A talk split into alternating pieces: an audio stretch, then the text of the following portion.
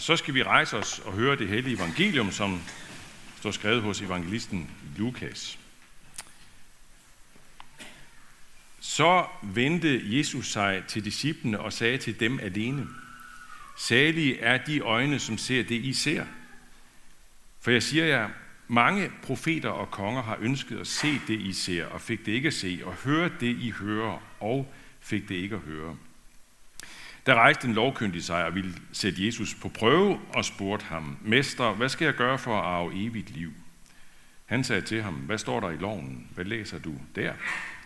Manden svarede, du skal elske Herren din Gud af hele dit hjerte og hele din sjæl og hele din styrke og af hele dit sind og din næste som dig selv. Jesus sagde, du har svaret rigtigt. Gør det, så skal du leve. Men han ville retfærdiggøre sig selv og spurgte Jesus, hvem er så min næste? Jesus svarede og sagde, en mand var på vej fra Jerusalem ned til Jericho og faldt i hænderne på røvere. De trak tøjet af ham og slog ham. Så gik de og lod ham ligge halvdød. Tilfældigvis kom en præst den samme vej. Han så manden, men gik forbi. Det samme gjorde en levit, der kom til stedet. Også han så ham og gik forbi. Men en samaritaner, som var på rejse, kom hen til ham. Og han fik medynk med ham, da han så ham. Han gik hen og hældte olie og vin i hans sår og forbandt dem, løftede ham op på sit ridedyr og bragte ham til et herberg og sørgede for ham. Næste dag tog han to denarer frem, gav verden dem og sagde, sørg for ham, og hvad mere du lægger ud, vil jeg betale dig, når jeg kommer tilbage. Hvem af disse tre synes du var en næste for ham, der faldt i røvernes hænder? Den lovkyndige svarede, han som viste ham barmhjertighed. Og Jesus sagde, gå du hen og gør lige så. Amen.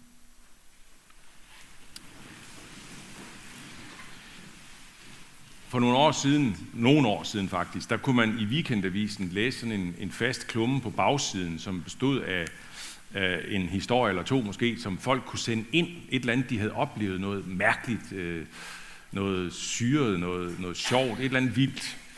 Og så blev det for øvrigt også udgivet øh, senere hen øh, som bog Gak i Blækhuset. Den kan I nok låne på biblioteket. Men en af de historier, det var en kvinde, som fortalte om, hvordan hun en, en aften, en, en sen novemberaften, der var sådan bidende koldt blæsende, gik rundt ned på Fredericia Banegård øh, og måtte vente tre kvarter på et tog. Og så skal hun bare på toilettet, og hun rasler rundt der og går rundt og leder og leder. Til sidst så finder hun ud af, at toilettet ligger dernede for enden af forhallen. Og der er ingen mennesker. Øh, undtagen en. Der var en. Og hun kendte lige præcis typen. Det var sådan en, en, en mand, der gik rundt i noget snusket tøj og med en sort labrador. Og lige præcis den der type, som når man så øh, kommer hen mod ham, eller han kommer hen mod en, så, så rækker han hånden frem og beder om en tiger til kaffe. Ikke? Altså, hun tænkte bare, jeg skal bare ikke snakke med ham der, jeg skal på toilettet. Og hun var alene, hun var lidt sådan, ikke? lidt shaky. Så hun øh, går sådan forbi ham og prøver at undgå øjenkontakt. I det hun går forbi, så rejser han sig op og går hen, og så spørger han, om øh, hun kan undvære øh, frue, de kan vel ikke undvære. Øh, nej, væsede hun så bare Ja og går målbevidst mod toiletterne, kommer derhen, og så er det kommet til den tid, og nu er måske en del af jer ikke så gammel, så jeg kan huske det, men hvor DSB har indført, at man skulle betale to kroner, man skulle lægge i en slags automat for at komme ind på toilettet. Og hun havde ingen to kroner, ingen penge, og kiosken var for længst lukket, så hun var virkelig på den. Øh, og øh, så hører hun bag sig sådan klik, klak, klik, klak, kigger, og så er det ham, manden med labradoren, der kommer gående hen mod hende, og kommer helt hen og siger, at fruen mangler måske en mønt. Ja, bed hun ham så af, ikke? Øh, fruen er måske trængende, og så væser hun bare af ham. Og så, så trækker han to kroner ud af sin meget snuskede øh, sorte frakke, og rækker dem frem mod hende, og i det øjeblik, han gør det, så kommer hun til at se i hans øjne to små, lyseblå, småleende øjne, og han siger sagt modigt, vi skal vel hjælpe hinanden, og så vender han sig om og går småleende væk. Den historie kom jeg til at tænke på, da jeg læste lignelsen om den barmhjertige samaritaner. Der er nemlig noget, der ligner rigtig meget. Det vil jeg gerne prøve at forklare.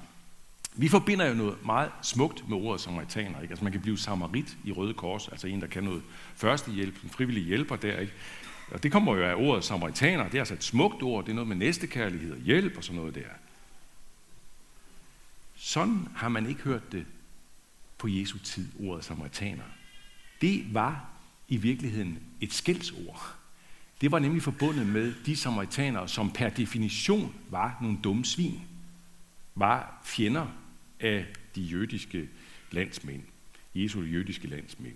Jesus blev faktisk ved en anledning kaldt for en samaritaner, det kan man læse i Johannes evangeliet, og det var ikke pænt ment, det var virkelig et skældsord. Men Jesus, han lader samaritaneren være helten i lignelsen. Udgangspunktet for, for lignelsen, det er jo det her spørgsmål, hvad skal jeg gøre for at arve evigt liv? Ja, du skal elske Herren din Gud af hele dit hjerte, sjæl og sind, styrke, og så din næste som dig selv. Godt. Hvem er så min næste? Det bliver det næste spørgsmål.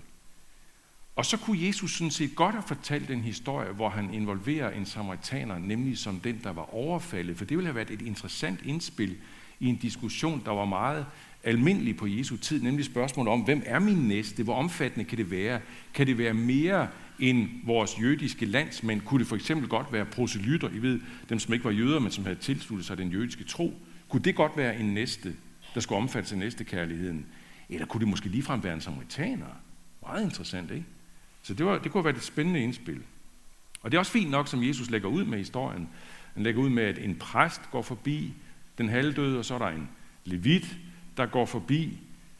Øh, og præster og levitter var ikke altid så velansete blandt almindelige jøder. Og nu skulle der selvfølgelig komme en tredje, sådan at så kommer der en tredje, ikke? og det er så ham, der ligesom viser, hvad næste kærlighed er for noget. Og det skulle selvfølgelig være en almindelig jøde, en mand af folket. Og her eksploderer historien, for det er en samaritaner. Som jeg sagde før, forholdet mellem jøder og samaritanere var ekstremt dårligt på det her tidspunkt. Det har nogle historiske årsager, som jeg ikke har tid til at forklare. Øh, men bare som et eksempel på det, øh, nogle år forinden, der havde, øhm, øh, der havde øh, nogle samaritanere en nat, det ved vi fra nogle andre historiske kilder samtidig med det nye testamente, der havde nogle samaritanere en nat gået ind på tempelpladsen i Jerusalem og spredt nogle menneskeknogler. Det var en ufattelig svinestreg faktisk over for jøderne. Det ville svare til, at nogle mennesker gik over på øh, den jødiske kirkegård i København og væltede og knuste samtlige øh, gravsten og satte nazisymboler op. Jesus vender med andre ord det hele på hovedet, når han indfører samaritaneren som helten. Samaritaneren, som muligvis kunne regnes for en næste, som jøderne skulle vise næstekærlighed. Han viser sig at være den, der viser den sande næstekærlighed. Det har ikke umiddelbart vagt begejstring i tilhørendes ører.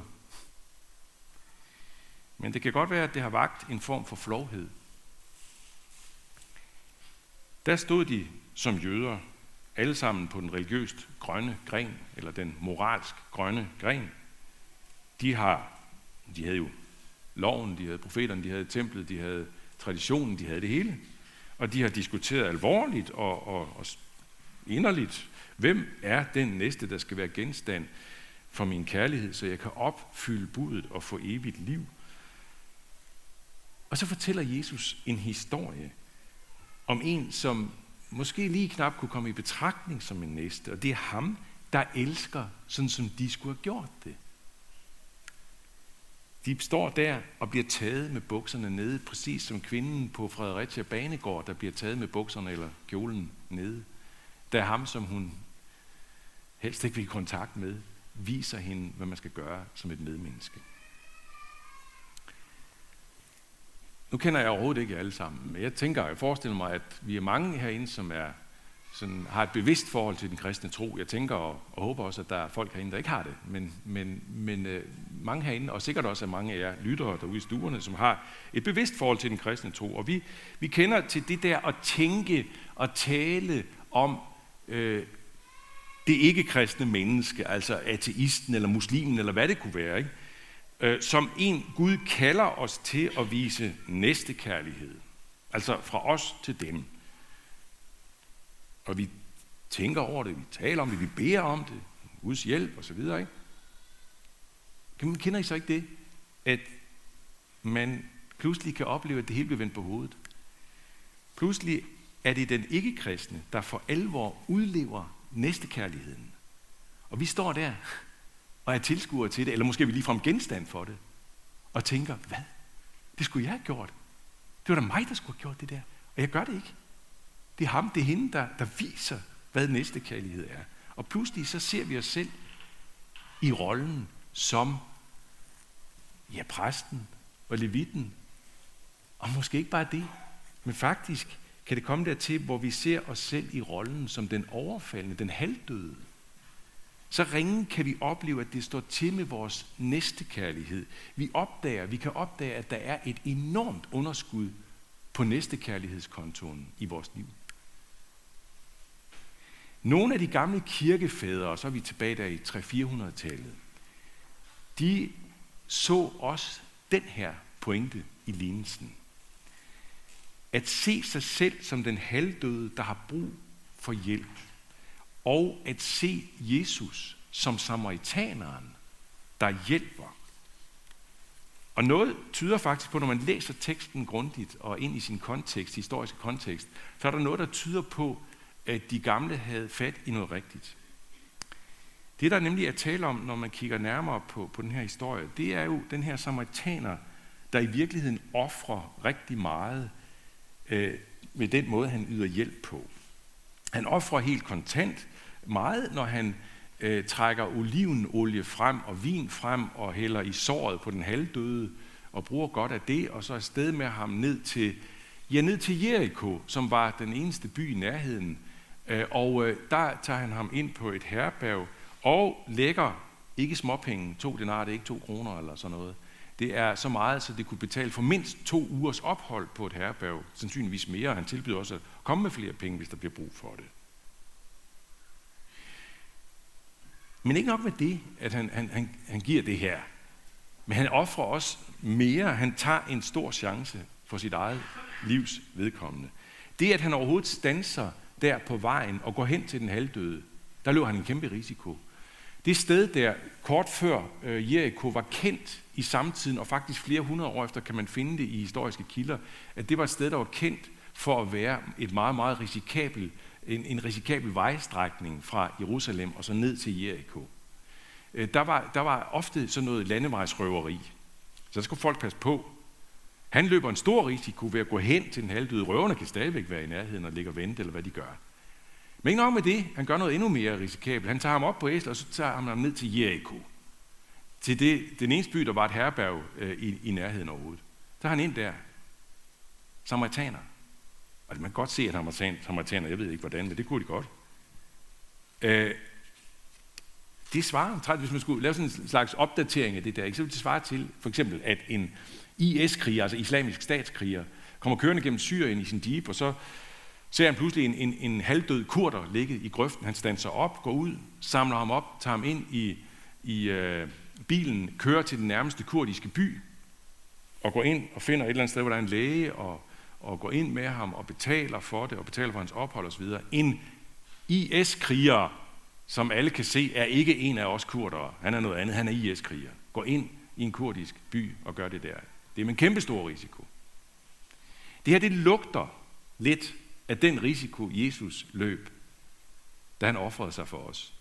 Og ikke bare en risiko, han løb, men han gik jo hele planken ud. Helt ind i døden. Spørgsmålet lød altså, mester, hvordan, hvad skal jeg gøre for at arve evigt liv? Og svaret var, elsk Gud og din næste. Godt. Men hvad så, når vi bliver godt og grundigt taget med bukserne nede og opdager, at vi er langt fra den næste kærlighed, der kunne fortjene evigt liv? Ja, vi er som den halvdøde person, som mere end noget andet har brug for hjælp for at redde sit liv. Ja, når vi kommer dertil, så gælder det virkelig om at få øje på, ham, som risikerede alt. Ham, der af sine modstandere blev kaldt for en samaritaner. Vi har brug for samaritaneren, for Jesus, der offrede alt for os. Vi er døende uden ham. Vi er fortabt uden ham. Og så, hvad så? Skal jeg sige ammen nu? Nej, der er stadigvæk tid endnu. Så det skal jeg ikke. Skal, slipper vi for det, som, som Jesus slutter med at sige til, til, til den lovkyndige, øh, hvor han siger sådan her, gå du hen og gør lige så. Slipper vi så for det, eller hvad? Altså, den her umiddelbare, den ligefremme betydning af lignelsen. Går du hen og gør lige så? Nej, det gør vi da ikke. Det slipper vi da ikke for. Men vi har lært, at vi kan kun gøre som den barmhjertige samaritaner, når vi bevæger os væk fra den næste kærlighed, der ligesom øh, øh, sker på en slags beregning. Nu har jeg så også gjort mig fortjent til det evige liv. Og bevæger os væk også fra den næste kærlighed, der vokser ud af en følelse af, at det er mig, der har næste kærligheden, og kan vise den frem til de andre. Nej. Jeg må bare erkende, at jeg ofte må lære denne næste kærlighed af dem, som jeg egentlig er kaldet til at vise næste kærlighed. Jeg har brug for kærligheden fra dem, og jeg har brug for at lære det af dem. Og først og sidst, jeg har brug for at blive mødt med en uendelig barmhjertighed fra samaritaneren over dem alle, Jesus. Den næste kærlighed, der vokser ud af den erkendelse, det bliver en god næste kærlighed. Jeg vil slutte nu med, med øh, øh, at citere øh, et ord, som jeg går og tykker på for tiden fra ordsprogenes bog i det gamle testamente, øh, hvor der står sådan her, hold ikke et gode tilbage fra den, som har brug for det, når det står i din magt at yde det. Der står faktisk i næste vers, og det skal vi lige have med, for det synes jeg har en vigtig pointe også. Sig ikke til din næste. Gå og kom igen i morgen, så vil jeg give dig det, hvis du har det, han beder om. Nej, fordi når vi gør det, så laver vi næstekærlighed på beregning. Altså i morgen, der er jeg klar til at yde næstekærlighed. Ikke? Så kom igen i morgen. En af mine yndlingsteologer, øh, Dietrich Bonhoeffer, jeg tror også, jeg fik ham citeret sidste søndag, jeg beklager, nu kommer han her igen. Han siger sådan her et sted, vi retfærdiggør ofte os selv med vores planlagte gode gerninger. Vi tænker om os selv som retfærdige, fordi vi er redde til at gøre det gode. Men alt kommer an på, om vi faktisk gør det. Hold ikke et gode tilbage fra den, som har brug for det, når det står i din magt at yde det. Sig ikke til din næste, gå og kom igen i morgen, så vil jeg give dig det, hvis du har det, han beder om. Lov, tak og evig ære være dig, vor Gud, Far, Søn og Helligånd, som var, er og bliver en sand treenig Gud, højlået fra første begyndelse nu og i al evighed. Amen.